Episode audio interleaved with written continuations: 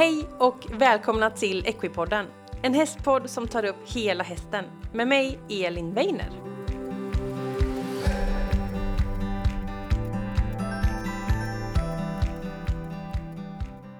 Hjärtligt välkommen till ett nytt avsnitt av Equipodden. Så kul att du har hittat hit och eh, lyssnar på den här podden.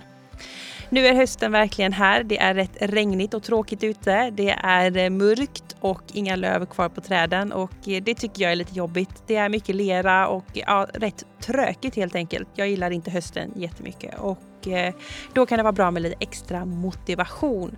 Och eh, dagens avsnitt är verkligen en sån här motivationsboost för att dagens gäst det är ingen mindre än pararyttaren Louise Etzner Jakobsson. Och Louise hon berättar om en olycka hon var med om som eh, påverkade henne väldigt mycket. Hon berättar om vägen tillbaka från olyckan och vägen sen till att klassificera sig som pararyttare och till elitsatsning som har tagit henne hittills till två stycken OS. Och Eh, det är en otroligt fascinerande resa och eh, man får nog leta efter någon som har mer liksom vilja och pannben och bara kämparglöd än Louise. Det var helt fantastiskt att lyssna på hennes resa och hennes tänk och sådär. Eh, vi pratar som sagt om vägen tillbaka, vi pratar om satsningen, eh, vi pratar om hur hon eh, tränar sina hästar, vilka egenskaper behöver hon hos sin häst och eh, hur ser vardagsridningen, grundridningen ut och vad är det hon behöver extra för att fungera med eh, de eh, hindren som Louise står för i vardagen. Jättepeppande avsnitt, superkul och jag hoppas du ska tycka om det här. Och eh, ett litet sånt där innan vi kör igång så vill jag också säga att vi har spelat in på distans och vi har också en hund med som skäller lite i bakgrunden ibland. Så var beredd på det. Jag har kämpat så jag hoppas ljudet ändå ska vara okej. Okay. Men en liten sån där heads up om att vi har varit på distans. Men eh, nej, nog tjatat. Nu kör vi igång veckans avsnitt.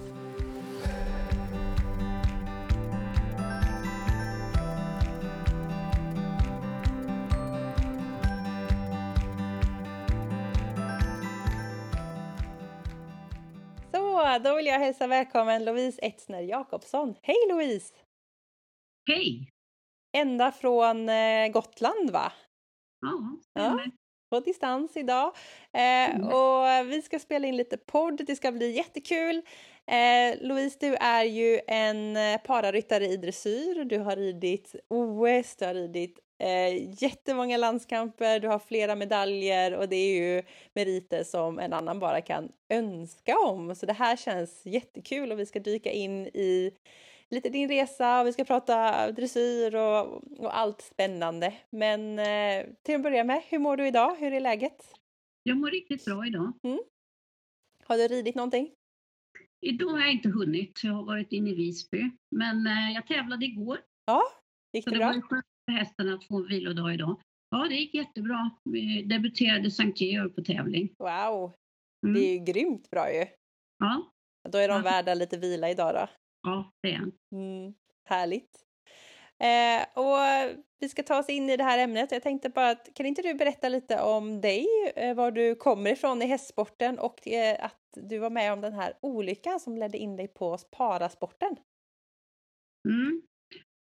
Jag har ju varit, jobbat med hästar sedan jag slutade skolan och var i Tyskland och utbildade mig lite och sen har jag jobbat som tränare, jag har jobbat som ridlärare, eh, haft hästar för utbildning, tävling eh, och jag har varit B-tränare sedan någon gång i mitten på 90-talet. Mm. Så hästar var ju mitt yrke och eh,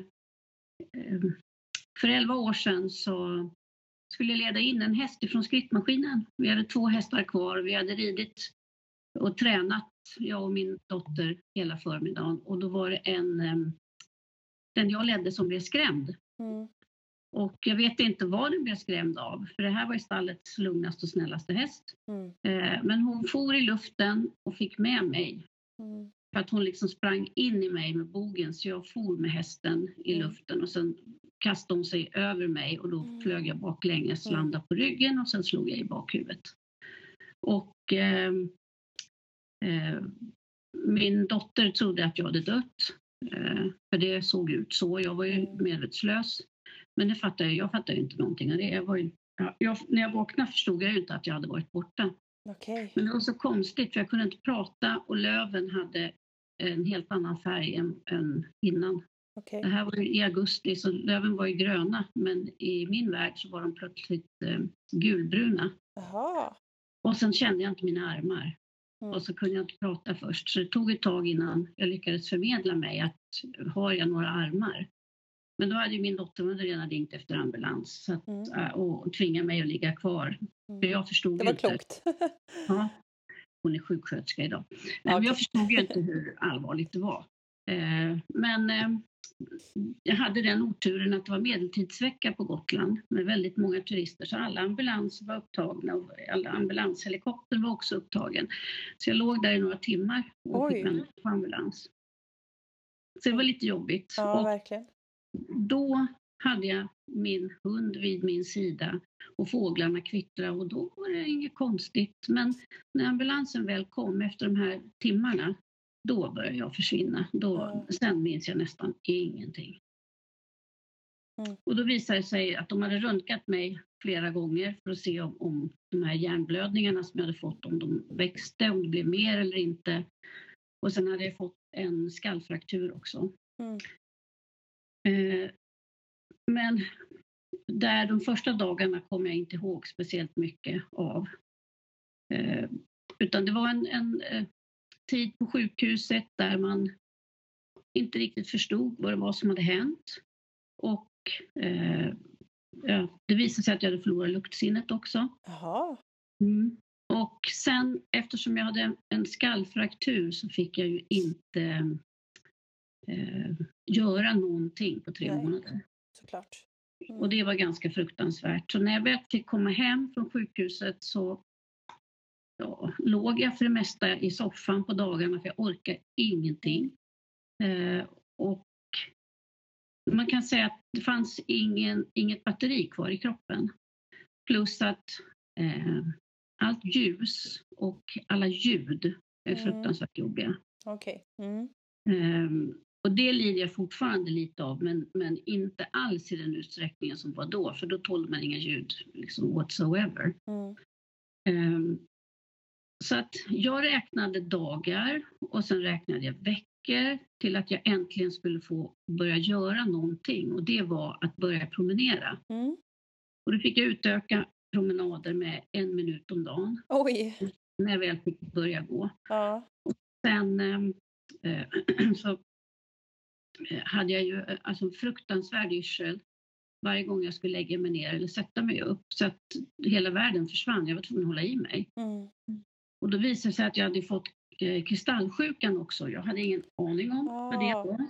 Jag hade, kände inte till det, hade aldrig hört talas om det. Och läkarna som undersökte mig efteråt missade det. Mm. Så öron, näsa, halsläkaren missade det totalt. Så jag gick med den här kristallsjukan i ett halvår innan en annan sjukgymnast ställde den diagnosen. Och det är väldigt lätt att bli botad ifrån det. Mm. Att, ehm, hon som hjälpte mig har för alltid blivit kallad för Magic Marianne i min värld. Det var magic att bli av med den där jävla kristallsjukan. Ja, just det. Mm. Precis. Och kristallsjuka är ju när eh, de här små, det är stenar in i öronen som hjälper oss veta Ja, vad som är upp och ner. som Liksom. hamnar i, de hamnar i fel båggång. Precis. Och det är, man, man lägger huvudet i olika lägen i ett antal minuter för att placera dem där rätt igen. Mm. Kalibrera sig lite. Ja. Mm. Ja, nej, och, det, och det har jag fått lära mig själv hur jag ska göra för det kommer tillbaka. Mm. Men inte alls så illa som det var då, för då var det väldigt illa. Jag gick ju liksom som om jag var stelopererad i nacken för jag kunde inte böja huvudet uppåt eller neråt. Någonting. Åh, läskigt. Ja. Ja. Men jag, alla trodde att det var hjärnskadan det också, Ja. så det var inget, ja, ingen som brydde sig om det. Det var ju inte så konstigt att gissa på det heller kanske. Nej. Nej. Nej, men sen så promenerade jag och när jag äntligen fick komma upp i, i eh, lite tid så hade jag stavar som jag gick med för att jag gick ju för dåligt annars. Mm. Eh, och min familj vill ju aldrig liksom släppa iväg mig Nej. utan stavar. Eh, och sen så fick jag inte tillstånd att rida förrän efter sex månader. Mm. Så att när jag väl fick börja gå efter tre månader och promenera, och börja få igång kroppen igen så räknade jag fortfarande dagar och veckor tills jag skulle få börja rida. Mm. Och hade jag en väldigt snäll gammal Grand Prix-häst som jag hade fått upp och utbildat som var en sån här supersnäll gentleman som jag fick börja rida på. Och då var det mina döttrar som hjälpte mig och de förbjöd mig att rida själv. De tog mig på skelina och jag fick skritta, bara skritta och jag tyckte nu är jättelöjliga. Men dag två så tog de mig på longerlina igen och jag skrittade några varv, sen fattade jag galopp och då höll de på att dö ja, men så att det visade sig att när jag väl kom upp på hästryggen så kunde jag skritta och galoppera. Mm. Men jag kunde inte trava. Nej, det kan jag förstå. Det är ju lite skumpigare. Ja, men det hade inte med det att göra utan det hade med takten att göra. Aha. Så att hjärnan ställde inte upp på det. Mm. utan det blev så att jag hade som ett järnspett som dunkade upp och ner in i huvudet. Aj, ja. Och sen så sa vänster arm och vänster ben upp sig. Mm. Så att jag hade ingen kontroll på vänster ben och vänster arm. Mm. Så att jag fick sätta massa eh, klisterspray på vänster stövel och eh, ett handtag i sadeln. Så att jag bestämde mig där i en period att jag struntade i att trava, bara jag kunde ja. få slippa galoppera så att jag kunde få liksom, komma igång och, och röra på kroppen. Mm. Rätt beslut. Ja. Och eh, sen när jag väl bestämde mig för att, att jag måste kunna trava igen, för det var ju min, min neurolog sa till mig att, att du har inget val. Vill du kunna trava igen så är det bara att träna, träna och träna och återträna. Du kommer aldrig kunna det annars. Mm. Så att parallellt med det här att jag fick börja rida så fick jag då gå på rehab och vara hos sjukgymnast flera gånger i veckan. Mm. Och eh, jag hade en, en fantastisk sjukgymnast som var så pigg och glad. Hon utsatte mig för fruktansvärda saker men hon fick mig alltid att skratta. Ja, perfekt ju. Ja. Och jag är en sån som när jag väl har bestämt mig för något så kör jag och kör stenhårt. Så jag mm. jobbade stenhårt. Och likadant med, med traven så kunde jag trava 10 meter och sen var jag tvungen att sakta av för det gick inte längre. Mm. Så kunde jag skritta 20 meter så travade jag 10 meter igen. Så där höll jag på. Mm. Och jag kom in i stallet och sa till mina döttrar, åh idag har jag travat ett halvt varv och var jättelycklig. Wow. Och de tröttnade ju till slut på att höra allt tjat om traven. Men eh, alltså jag fortsatte så här, jag, jag, kan inte säga i hur lång tid eh, jag höll på. Eh, men till slut, till slut så började jag inse, fan jag blir ju inget bättre. Eh, alltså jag tyckte att min kropp fungerade inte bättre. Jag hade alltså väldiga koncentrationssvårigheter. Jag hade jobbigt med koordinationen och, och, allt ljud i omgivningen. Jag kunde inte gå in i en affär för det var alldeles för mycket stök runt omkring. Mm. Mötte jag någon människa som kom rakt emot mig så frös min kropp till is. Jag kunde inte gå vidare. Det tog bara tvärstopp. Mm. Eh, och eh, jag kände, jag hade ingen struktur i livet och jag hade ingen koll. Mm. Och det var ju också sådär eh, jättekonstigt. Eh, och jag kunde inte heller styra mina känslor. Jag kunde inte ta beslut. Eh, om det var någon som frågade mig vad jag ville äta så jag vet inte. Mm. Bestäm du. Mm. Eh, och det var så vad det än gällde. Så det var, det var eh, asjobbigt. Och det slutade med att jag kände mig som att jag var bara till besvär.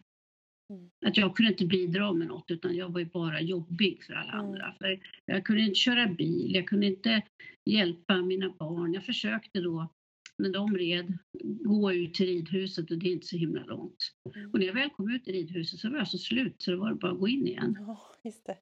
Så att, ja, det, var, det var en väldigt märklig tid där, där um, jag vet inte när det var som allra jobbigast men då fick jag hjälp av en psykolog mm. som jag gick hos typ varannan vecka i ett år. Mm. Och han var helt fantastisk. Han hjälpte mig alltså, jättebra. Så att han kunde tala om för mig varför jag kände mig som en idiot, varför jag inte kunde eh, styra mina känslor och varför jag inte klarade det jag hade klarat innan. Mm. Så han förklarade allting väldigt, eh, vad ska jag säga, ja, han, han plockade fram massor av information att om man haft en blödning på den delen av hjärnan så brukar det bli så här och så här och så här. Mm. Och då upptäckte jag att men jag var inte ensam. Alltså det var, det, jag var inte annorlunda utan det var här, mina skador var helt normala. Mm. Så att det var, och han talade också om för mig att det är ju ett sorgarbete eh, att inte vara den man har varit och inser att jag kommer aldrig bli den jag har varit. Just det. Jätteviktigt att inse Ja. känns det som. Ja. Och sen att till slut acceptera, Mm. så här är jag. Mm. Och det tog några år innan Mm. jag kände att jag hade accepterat att så, här är jag. Mm. Och det är liksom inte hålla på och känna sig som att man är till besvär. För att jag har ingen val, Mm. utan jag måste gå framåt. Mm. Men det var fruktansvärt tufft fram tills att jag kom till det. Jag förstår det. Mm. Verkligen. Och då var det också, de första åren var det också, så- alltså, jag sov väldigt mycket. Mm. Jag sov kanske tio timmar varje natt, minst tre timmar varje eftermiddag. För det gick inte bara, det gick inte att vara vaken. Jag kunde ju, satt jag i en bil så somnade jag med en gång. Mm. Så att, ehm, och det var ju också sånt där som jag kunde inte bestämma över det och jag tyckte det var så jobbigt att inte få vara vaken, att inte få vara med. Mm. Precis. Och det var ju också något jag fick lära mig att ska jag fungera så måste jag sova. Hjärnan måste eh, alltså ladda batterierna igen. Mm. Mm. Men sen så ska jag också säga att ridningen var väl alltså bästa sjukgymnastiken jag Mm. kunde ha. Mm. För jag tror, alltså, det finns ingenting annat som har gjort att jag skulle kämpa så hårt Mm. fysiskt och psykiskt som just med ridningen. Eftersom hästarna har ju varit mitt liv hela livet. Ja. Så då... Eh, alltså där hästarna gav jag ju aldrig upp. Eh, men sen så var det många som frågade mig då, men vill du inte ut och tävla igen? Mm. Är livet, så jag. Finns, det finns inga planer i världen. Ja, det finns ingen energi. Bara de sa ordet tävling Ja. så höll jag på att somna. Ja. Alltså det, var- det blev alldeles för mycket. Det var så att huvudet kokade nästan varje gång Ja. någon frågade, ställde den frågan. Mm. Men sen så ett år efter eh, min skada så ringde eh, min väninna eh, och frågade om jag inte kunde ta hand om eh, hennes häst. Och då sa jag, du är inte klok, jag kan ju liksom inte ens trava. Klart att jag inte kan ta hand om din häst. Jag, jo, men jag vill att du tar honom och utbildar honom till Grand Prix. Ehm, men ehm, jag sa nej. Och hon ringde igen och jag sa nej. Och hon, hon ringde och tjatade på mig ett år. Och då sa jag till slut, ja men skicka hit honom då. Det är ändå en ganska stor efter- grej. Så här, kan du utbilda min häst till Grand Prix? Det är ju inte Ja. bara sådär något Ja. litet lätt. Det är ju en ganska stor grej. Nej. Och han, han har fortfarande alltså en jättestor Ja. trav. Såklart. Han har väldigt mycket trav och jag som då inte eh, kunde trav ordentligt. Så han kom i alla fall på hösten och det här är då drygt två år efter att jag hade skadat mig. Och det tog mig sen, jag tror han kom första oktober och det kändes nog som att jag kunde trava i tre minuter i sträck i maj månad, året därpå. Mm. Så lång tid tog det. Och det var ett himla slit. Eh, Men då på vintern så började mina barn tjata på mig i alla fall att, och tyckte att jag skulle, ut och tävla igen. Och jag sa nej, det tror jag inte går. Jag tror inte att jag orkar. Ja, men så, var de, så sa de så här, men du om vi tänker att vi, vi sätter en- en plan ett år Mm. framåt. Ja, det kunde jag gå med på. Och att jag skulle rida Sankt Georg på en viss tävlingsplats som jag gillade om ett år. Det är, det är en ganska hög ambition med ett svårt program.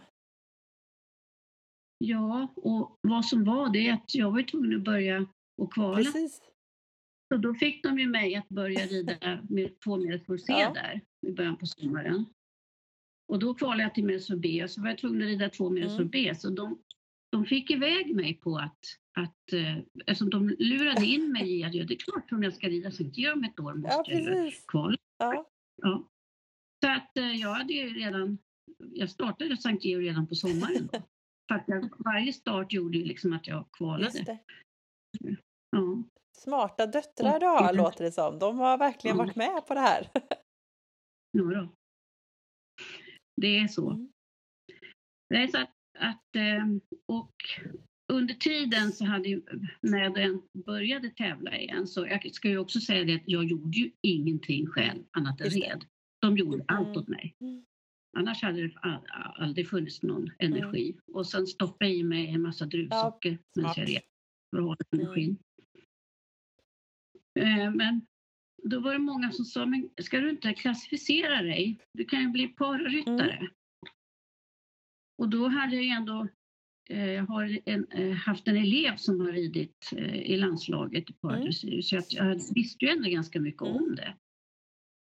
Och jag var så här, nej, jag tror, jag tror inte att jag är eh, tillräckligt dålig. Jag tror inte att jag kan bli klassad, sa jag då.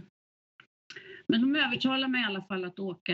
Eh, och det var väl nästan ett år senare som jag åkte till Helsingborg och genomgick en sån här klassificering. Och då fick jag inte reda på eh, vad, jag skulle, om jag skulle bli någon eh, klassad i någon grad eller om jag var, som jag trodde Mm. då, för frisk. det. Det finns ju fem grader och de som är friskast eller minst skadade är ju i grad Mm. fem. Och sen fick jag ett brev hem att jag var klassificerad i grad fyra. Mm. Och då fick jag en chock. Jag som trodde att nej, jag, jag är för frisk. Så man har, ska vi säga också, man, man har inte riktigt insikt om hur man själv Mm. är. Utan man, man tycker, nej men mig är det väl inte så stort fel på efter några år. Men det Mm. var det. Ja, och då så skulle man ju då åka och mönstra också på Strömsholm. Och då ville de att, jo men du kan gärna få vara med. Så då fick jag åka utomlands, eh, ner till Holland och göra en tävling och sen så red jag NM Mm. efter det. Och sen rullade det på. Ja. Hela vägen upp till OS. Mm. Ja, då var vi i Rio. Mm. Vilken, vilken resa! Eh, det är ju helt fantastiskt att få lyssna på. Vilken kämpaglöd du har. Ja, man, många journalister har frågat liksom, var kommer din vilja Mm. ifrån? Ja, Jag är född sån tror jag. det sitter i DNA. Eh, men jag tänkte, jag tänkte jag skulle bara fråga för att eh, din, eh, den här skadan då den påverkar framförallt ena sidan av kroppen då och det är fortfarande så att det Mm. är eh, svårt med koordination och kontroll på ena halvan. Är det rätt? Har jag uppfattat rätt då? Mm. Ja, mm. Det är vänster ben och vänster arm. Och det, om du tänker i finmotoriken. Eh, när jag ser mig själv rida så blir jag ganska störd för jag tycker att, att, mina, arm, att mina armar och händer rör sig Ja, för mycket. Och det är också en, en, jag sitter lite brett med händerna för det är också en Ja, balansgrej. jag har svårt att hålla balansen annars. Och sen kan jag inte riktigt styra vänsterhanden till 100 procent. Så jag tycker när jag, när jag ser det så blir jag lite irriterad för jag tycker det ser eh, inte så mjukt, det ser lite ryckigt ut. Men det är ingenting jag känner längre medan jag Mm. rider. Men jag ser det när jag ser det på film. Det. Och jag kan inte eh, styra, om jag rider med spöet i min vänstra hand så kan jag inte styra det ordentligt. Och det har jag tränat på i tio år nu.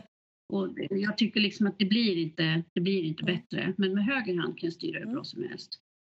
När jag äter mat så kan jag inte äta, ha gaffeln i vänster hand och lyfta armen och stoppa in i munnen för då missar jag Okej. munnen. Så att jag får vila med armen på bordet och så får jag liksom ta huvudet upp på munnen till Ja, jag. Så att jag gör lite grann som barn, att jag skär upp allting först och sen äter jag helt enkelt med Ja, högerhanden. det går väl lika bra det.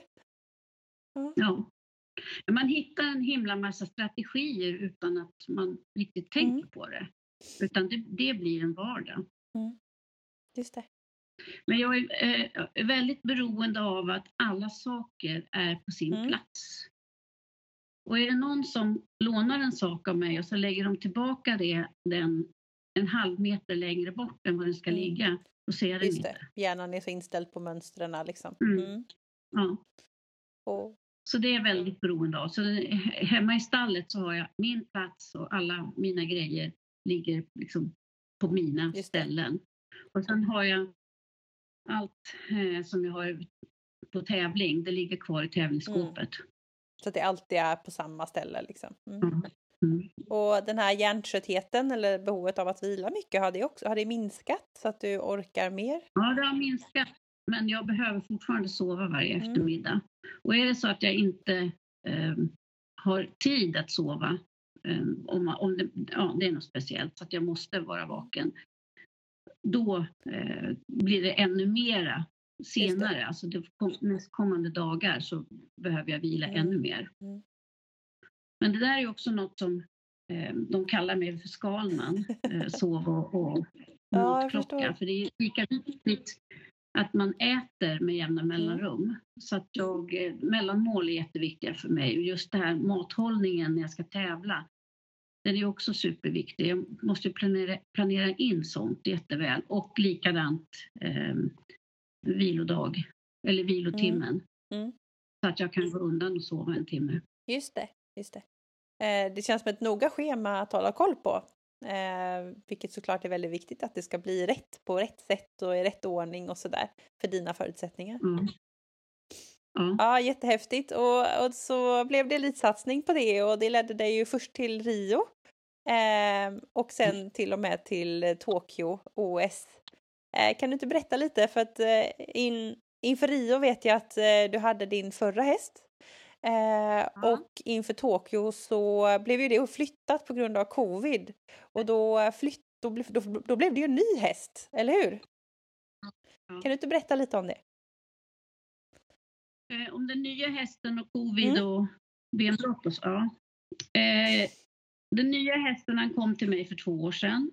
Och jag har en fantastisk väninna som heter Sofia Ridderstad som köpte honom mm. till mig. Och hon tyckte det var viktigt att jag ägde honom. Mm så att ingen kunde ta honom mm. ifrån mig eftersom jag blev av med den första hästen mot eh, hon, den ägaren bröt kontraktet. Mm. Eh, och eh, då, då, tyckte Sofia att nej, det, han ska vara din. Och sen så hade jag ju eh, Ja, jag började ju i, ska säga, i botten med honom. Jag började starta lätt B med honom och eh, jobba mig upp. Han, han var ju högre utbildad men han kunde inte göra rena galoppombyten till vänster.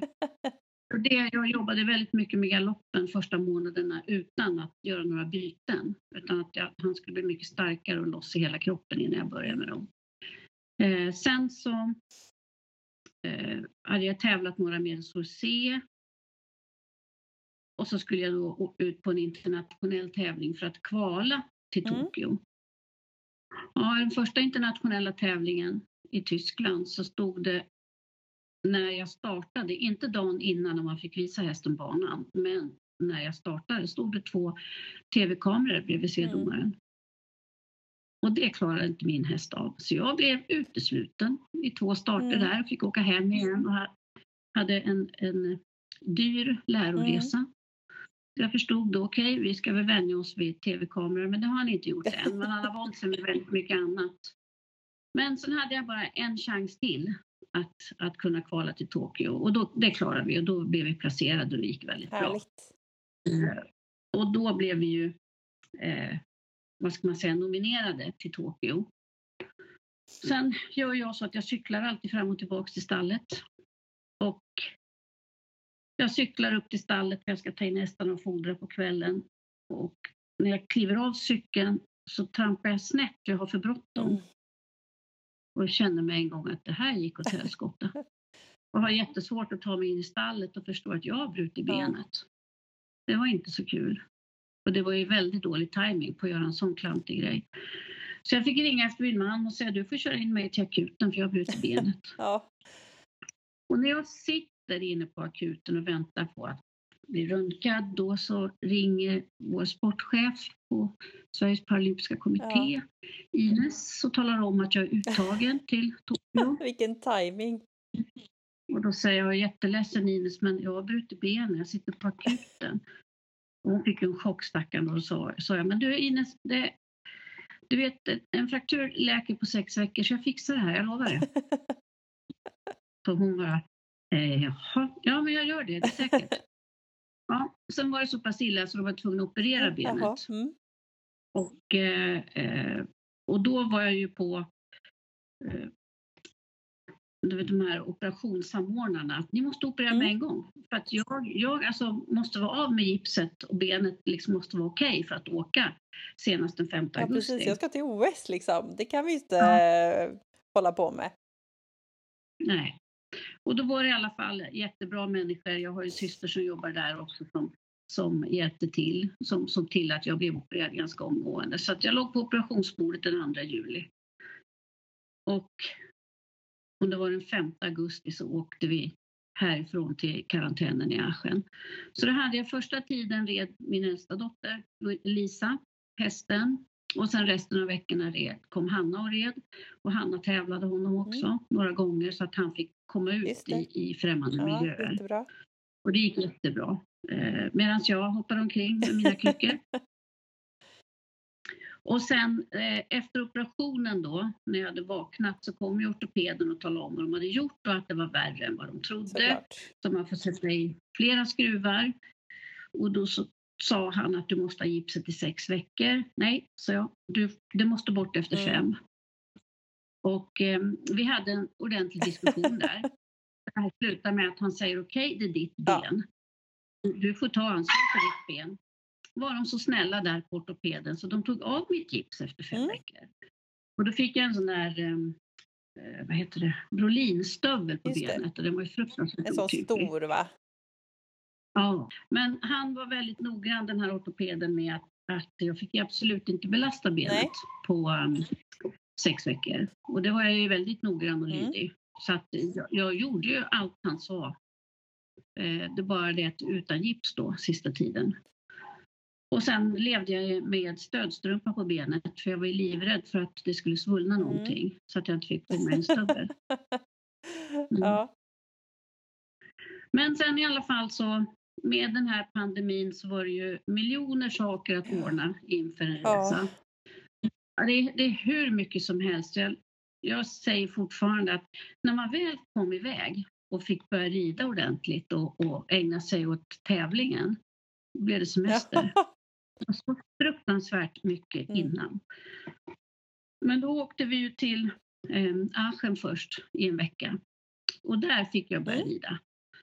Och då fick eh, min dotter Hanna rida fram Goldie ja, perfekt. Mm. Så att eh, jag hade ju jättebra hjälp för jag ville inte rida lätt. Jag ville inte, kunde inte belasta foten Nej, någonting. precis. Och sen hittade jag jättebra ställe där jag kunde kliva upp på hästen där jag bara liksom behövde lägga över högerbenet så satt jag i sadeln. Så att det, allting funkade jättebra där. Men sen när vi väl kom till Tokyo då fick ju inte Hanna sitta någonting Nej, på honom längre. Utan då var jag tvungen att göra Mm. allt själv. Men då hade jag ridit igång med en vecka i alla fall. Mm. Perfekt. Ja. Och eh, det gick ju ganska bra, eller vad tycker du själv? Ja. Jag hade ju alltså eh, inga förväntningar för jag visste ju att vi hade en internationell tävling i bagaget. Domarna, det var ju väldigt få domare som hade sett min Mm. häst eh, och eh, alla visste att jag hade brutit benet. Eh, och nej, alltså jag kände så här, ja, men jag ska ta mig till final i alla fall, det bör Mm. jag kunna. Men så hade jag liksom ing, jag vi hade ingen aning om var jag stod i förhållande till liksom världseliten i min grad då. På första starten så kom jag fyra, endast en tiondel Mm. ifrån bronsmedaljen. Mm. Jag har aldrig varit så glad över att bli fyra hela mitt liv. Ja, häftigt. Det, var ju, det var ju verkligen eh, sån där, alltså var vi så Ja, högt upp? precis. Okej. Och då tänkte jag faktiskt att ja, men då kanske jag kanske kan komma trea nästa start, för kyren brukar vara min Mm. grej. Jag rider alltid som bäst i den. Jag- Så att um, trea tänkte jag att ja, men det kanske jag kan bli, när jag nu var så Mm. nära. Men jag trodde aldrig att jag kunde slå. Det är en holländska som vinner allt nu Ja. för tiden. Och en brasilianare som alltid brukar komma Ja. tvåa. Och jag, jag var helt övertygad om att det var omöjligt för mig att slå någon av dem. För de är så pass kända och han brasilianaren har ju liksom en jättefin godkänd hingst. Mm, Jag förstår. Mm. Så när jag, när jag väl eh, förstod att jag hade slagit honom, att jag kom Wow. tvåa, då fick jag en liten chock. Jag förstår det. Måste ju vara Mm. jättestort ju. Ja, det, det, är nog det och jag själv fattar inte mm. det riktigt. Nej, så är det ju. Det är väl, eh, ja. Du är jätteglad för det, eller hur? Ändå? Ja, ja. Oh ja. Det är det är verkligen. Men samtidigt så jag, det tog efter när jag var i Rio så tog det väldigt lång tid innan jag fattade vad det var jag hade mm. gjort. Eh, för att jag tycker att jag har ju bara ridit som jag brukar. Jag, för, ja, men jag, om man säger som jag tävlade här på Gotland igår och för mig är det ingen skillnad. Mm. Nej, alltså en, en start, jag ska alltid göra det bästa mm. jag kan. Det spelar ingen roll var mm. jag är eller vil, vilken form det är. Det som är jobbigt när man är på en olympiad, det är att man bor i OS-byn och så har man en lång transport mm. till tävlingsplatsen. Mm. Och jag menar, där i Tokyo så tog det i alla fall 40 minuter ungefär att åka buss genom mm. Tokyo mm. till tävlingsplatsen. Och sen är det ju, var det ju alltså, eh, covid-19 kontrolltest varje mm. morgon. Eh, vi hade ju mask på oss jämt.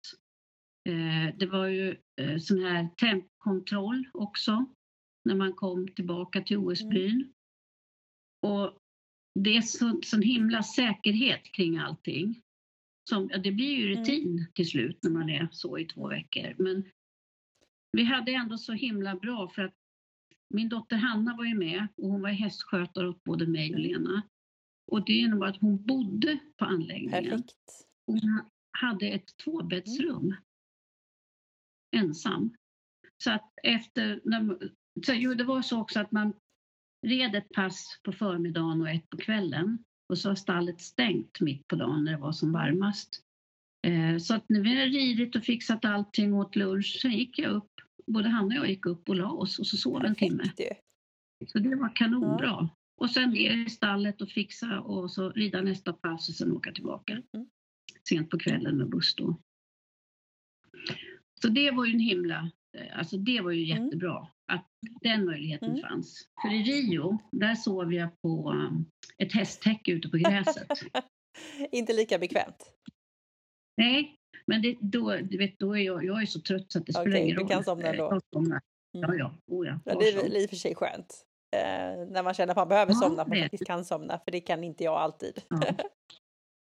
Nej, det kunde jag inte förr mm. heller, men det är nu inget ringer, ja, Skönt, det låter bra. Mm. Ja, det är ju jättehäftigt. Ja. Alltså, det är ju det är klart att som du säger, varje start är ju lika viktig om man ska göra sitt bästa, men i OS och de här riktigt stora tävlingarna så är det så mycket människor och så mycket mer runt med tv och grejer så det är klart att det och just när det var corona också så är det ju väldigt speciellt eh, med alla kontroller och så som du berättar om. Eh, mm. Så häftigt. Ja, det var, det var uh, journalister som frågade mig om, men var det inte tråkigt att inte rida för någon, inför någon mm. publik? Och då sa jag att ja, jag ser aldrig publiken i vanliga fall, så för mig var det ingen skillnad. Nej, nej. Och det är så, jag, jag, är alltid i min bubbla. Jag ser och hör ingenting annat än det jag vet att jag måste. Jag måste höra startsignalen. Det är mm. det enda. Mm. Mm. Häftigt. Så att uh, allt annat är, är borta. Ja. Häftigt. Mm. Eh, ja, fantastiskt att få höra den här resan och det var ju inte den bästa uppladdningen men det blev ju bra ändå. Det blev ju bättre än förväntat eh, med det. Eh, jättekul att höra på. Jag tänkte att vi skulle gå vidare lite grann. Nu har vi pratat om din resa och din satsning och, och sådär. Och då tänkte jag att vi skulle prata lite om eh, träning och trä, hästträning. Så kan inte du börja med att berätta mm. lite om eh, Goldie, kallas han väl, Goldstrike. Eh, mm. Vad han har för egenskaper och varför det passar just dig och vad du letar, vad du behöver för egenskaper hos en häst. Eh, ja, jag behöver ju tre bra gångarter och ett bra temperament och att den är mjuk att sitta på i mm. traven. Det är väl en snabb eh, eh analys. Um, och Goldie han är jättebra i storlek till mig, han är 1,68. Eh, han är en otroligt snäll häst och han har tre bra gångarter och han är mjuk att sitta på i traven. Eh, och sen är han eh, väldigt rädd för tv-kameror. Det var han nu på VM också i Danmark. Alltså han är vettskrämd för dem och när han blir rädd är han fruktansvärt rädd. Du vet, man känner pulsen mm. stegras in i hans kropp och så är det så att han är flyktbenägen hela tiden så fort han ser det här farliga. Eh, och jag har tränat honom hur mycket som helst eh, på konstiga saker. Jag har en, en byggarbetslampa med en stor svart säck på som ser ut som en ja. tv-kamera i ridhuset som jag flyttar på till olika ställen. Och jag har mass, massa grejer som, som eh, vi tränar honom på i ridhuset också. Jag har ridit eh, sån här pay and jump över bommar med mitt lilla barnbarn mm. på fyra år bakom mig. Hon skulle få vara med på en bana. Mm. Då har jag ridit framför henne och då när det blir så här mycket grejer runt omkring honom då, då är det så mycket som han ska titta på så det hinner han inte med utan då, då släpper han. Och så springer han sen. Eh, han eh, älskar att bli kliad. Mm. Det är det bästa mm. han vet. Eh, han är, eh, vad ska man säga, väldigt många olika slags hästar att mm. rida. Mm. Alltså han, om jag rider, jag försöker rida varierat, eh, att jag rider mycket utomhus. Och är jag ute på en vall och det kan springa lamm i en hage 100 meter mm. bort, då kan han liksom bli superladdad och då kan jag knappt nudda honom med skänklan om jag ska göra galoppombyten. Mm. Är jag inne i ridhuset och är ensam och han tycker Åh nej, idag, gud, det här var inget kul, jag vill ju ut istället. Och då kan, vara, då kan han vara ganska tungriden. Mm. Och han reagerar olika för olika saker olika dagar. Så att han, han är... Eh, jag har många hästar i en och samma häst. Det är väl i och för sig lite kul? Ja, alltså jag lär mig ju jättemycket mm. på honom. Verkligen. Eh, samtidigt som jag nu håller på att utbilda honom. Och att, eh, målet är att han nog ska kunna gå intermediär 1 till våren. Och han börjar bli duktig på att kunna piaffa. Eh, det är svårare med passagen. Men alla hästar jag har, har jag ju liksom, är ju målet Grand Prix. Jag nöjer mig ju inte med att inte sätta upp det målet. Eh, och sen får det ju ta mm. tid. Med min kropp så får det ta tid, det är så. Men eh, jag tycker han har utvecklats väldigt bra. Han hade, som nu igår då hade han ju många åttor, bland annat på bytena i var tredje. Mm. Hade han, åtta, ja, han, han, han, när han väl lärt sig saker så kan han dem. Och då är inte det det svåra med honom, utan det svåra är hur kommer han att vara idag? Hur kommer han att reagera i den här miljön på något mm, konstigt mm, sätt? Men för varje gång han reagerar konstigt eller blir rädd eller spänd så lär jag mig att hantera mm. det. Precis. Jag tror inte att jag kan ta bort rädslan hos honom för tv-kameror, men jag kanske kan klara av att eh, dämpa honom Just mera. det, och få honom fokuserad mm. igen. Mm. Ja. Jag förstår. Mm. Eh, men jag tänker också med, med din kropp och med den olyckan som du har varit med om, blir du inte rädd när han drar igång och du säger att han har flykt i sig? Nej. Du blir inte rädd? Nej, Nej för han, han sticker mm. inte utan han kastar sig runt 180 grader 180 grader och liksom försöker dra ja. iväg. Men han tar förhållningarna. Okay. Han, han, han lyder mig. Och man sitter ner i honom, för när han kastar sig så kastar han sig uppåt och ja. runt. Så jag har, har aldrig någonsin känt mig osäker Det är bra, för jag tänker just hästar som vänder, mm. då måste man ju vara ganska ja. snabb i koordinationen och stark. Jag tänker ja. just med om du är svag i ena sidan. Mm. Han är blixtsnabb mm. alltså i de lägena, mm. det är han. Men eh, nej, jag har aldrig, peppar peppar, jag har aldrig suttit löst. Jag har aldrig haft någon känsla av att det är eh, otäckt eller farligt. Perfekt ju, då är det ju verkligen en häst mm. för dig då. Mm. Ja, ja, men för han är ju en väldigt snäll häst, en väldigt god mm. häst. Som älskar att stå och mysa och man kan liksom stå och klia honom hur länge mm. som helst. Så att, ja. Mm. Perfekt. Det gäller att liksom hitta det i de farliga situationerna. Och mm. du säger att du tränar varierat. Eh, vad innebär det för dig? Mm. Ja, men jag försöker rida inomhus, utomhus. Eh, eh, att jag joggar honom. Om man säger, jag jobbar ut efter utbildningsskalan. Eh, att han ska vara lösgjord. Han ska jobba genom kroppen. Jag sitter ju inte och samlar honom varje dag. Eh, och eh, ibland linlöper jag så att han får slippa mig på ryggen, att han bara får sträcka ut hela överlinjen. Och jag har två döttrar som är väldigt duktiga på tumköra. Ja, jag är inte duktig på det, så att de kan tumköra honom också. Så att han får en, en mer allsidig träning. Just det. Och eh, du, du sa att han ska vara lösgjord och, och med dig. Mm. Eh, grundarbetet Mm. gissar jag är viktigt då. Vad, Ja. vad gör Mm. du, om du skulle berätta lite om ett träningspass, ett där vanligt träningspass. Eh, vad gör du och vilk, har du några övningar som du tycker om eller några checkpunkter som du tycker om att göra? Och säg att jag värmer honom i ungefär 20 minuter. Eh, jag börjar i skritt, lite skänkelvikningar, framdelsvändningar, travar, lättridning, byter spår, växlar mellan rakt, böjt spår, volter, eh, skänkelvikningar, bogen in. Eh, sen gal galopperar jag och då galopperar jag växel, växelvis långsidor, volter, eh, förvänd galopp och jag motställer i den förvända galoppen för att lösgöra ännu Mm. mera. Mm. Eh, ja, det är väl ungefär, och sen lite tempoväxlingar. Mm. Det är uppvärmningen. Och sen jobbar jag med, eh, alltså rakriktning jobbar man ju med hela tiden.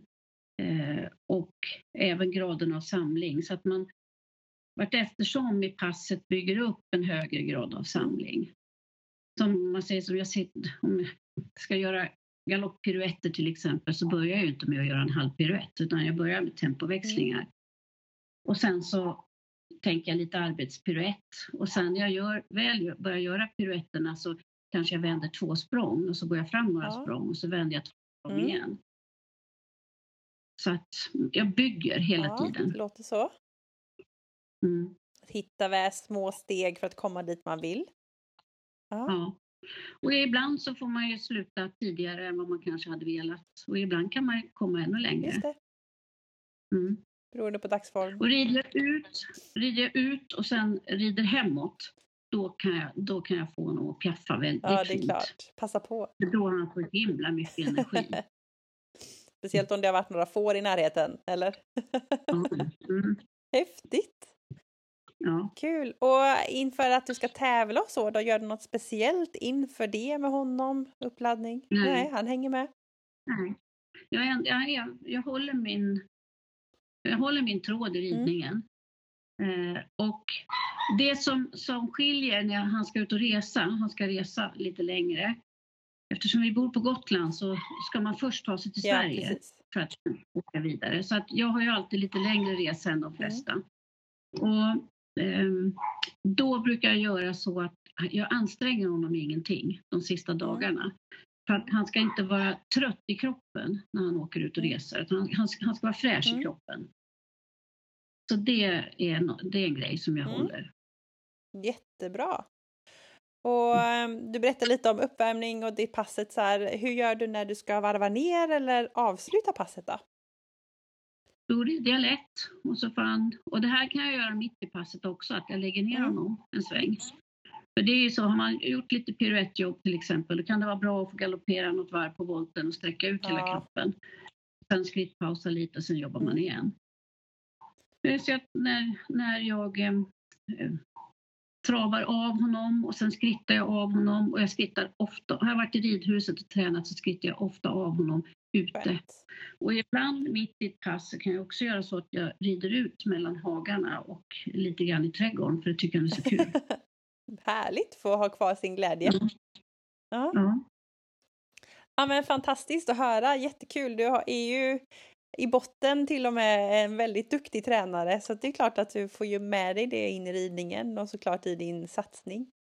Eh, Jag tänkte vi skulle börja runda av lite granna men som en avslutande fråga så tänkte jag fråga vad är dina mål just nu och framåt i din tävlingskarriär eller i livet? Mm. Eh, I eh, tävlingskarriären så är det ju eh, EM nästa år. Och då är det några internationella tävlingar innan och sen att han ska kunna starta intermediär 1. Och eh, 2024 så är det då Paralympics i Paris. Nära och bra. Ja, och det är... Jag har aldrig varit i Paris. Jag har varit på väldigt många platser runt hela världen, men aldrig i Mm. Paris. Så jag tänkte att det kunde vara bra att få komma Ja. dit då. Men efter det så vet jag Nej. inte om jag kommer att orka åka och tävla internationellt Mm. längre. För det är inte bara jag, utan det är ju hela min familj är inblandad. Min man kör mig jämt och sen har jag någon av mina döttrar med Mm. mig. Så jag skulle aldrig åka på något mästerskap eller något Paralympics utan någon av mina Mm. döttrar. Mm. För de är ju mina hemmatränare. Och eh, sen tränar jag för Lars Mm. Andersson. Men jag kan ju inte göra det lika ofta, utan jag har ju mina Mm. barn i vardagen. Precis. Ja, det är fantastiskt. Familjen är ju väldigt viktig. Och eh, Ja. det är klart, för dig också så tar det ju väldigt mycket energi att åka iväg. Men eh, nästa OS är väl ett fantastiskt mål att ha. Eh, det är Ja. några år kvar och Paris är en väldigt fin stad så det är kul att då två flugor i en smäll, turista lite Ja. och rida lite. Ja. Ja men alltså fantastiskt Louise, vilket härligt samtal. Vad häftigt, jag blir så imponerad. Jag blir rörd här när du berättar om olyckan kände jag så här. Men wow, vilken kämpaglöd. Jag tycker det är, helt otroligt. Ehm, jag tänker att eh, det var ett jättetrevligt samtal och eh, om det är så att man har lyssnat på det här och tyckte det var intressant då kan man följa dig lite på Instagram va? Ja, det, det tråkiga med mig är ju att jag är tekniskt korkad. men, nej, men det är väl det också att eh, det är så svårt med hjärnan att fixa de här tekniska Yeah. sakerna. Jag är jätteimpad av att jag kunde trycka in mig. Ja. Och sånt som alla tar för givet och är jätteenkelt.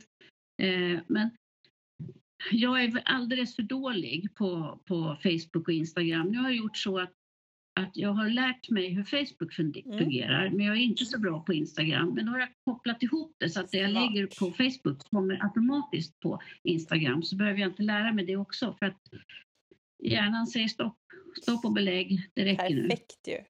Så där kan man ju se Och då lite. gäller det att veta, det gäller att veta vad man ska lägga energin på, den energi man Helt har. rätt.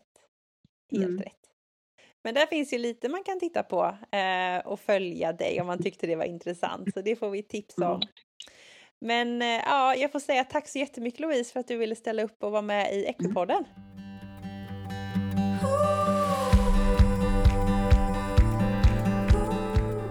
Ja, ännu ett superavsnitt till ända. Stort tack Louise för att du tog dig tiden att vara med i Equipodden. Det här var ett grymt bra avsnitt så jag hoppas att du som har lyssnat på det här också tyckte att det var inspirerande och motiverande. Och är det så att du tyckte om det här så får du jättegärna lämna en recension där du har lyssnat. Är det på Apple Podcaster så kan du lämna en liten kommentar och eh, lite stjärnor. Och är det inne på Spotify så kan man där också lämna lite stjärnor. Det skulle jag vara väldigt glad för för det kan hjälpa fler att hitta till podden. Och eh, glöm inte också att följa Equipodden på sociala medier. Där dyker det upp lite spännande saker som är utöver det som man hör i podden. Så Equipodden finns på Instagram och Facebook. Nästa vecka då byter vi gren och det är hoppning som gäller när Equipodden gästas av eh, en landslagsryttarinna som precis i helgen har varit eh, väldigt mycket på tapeten när hon placerade sig i världskuppen Jätte, jättekul! Så missa inte nästa vecka när det är hoppning på schemat. Och eh, så länge så önskar jag dig en fantastisk vecka så hörs vi snart igen. Hej då!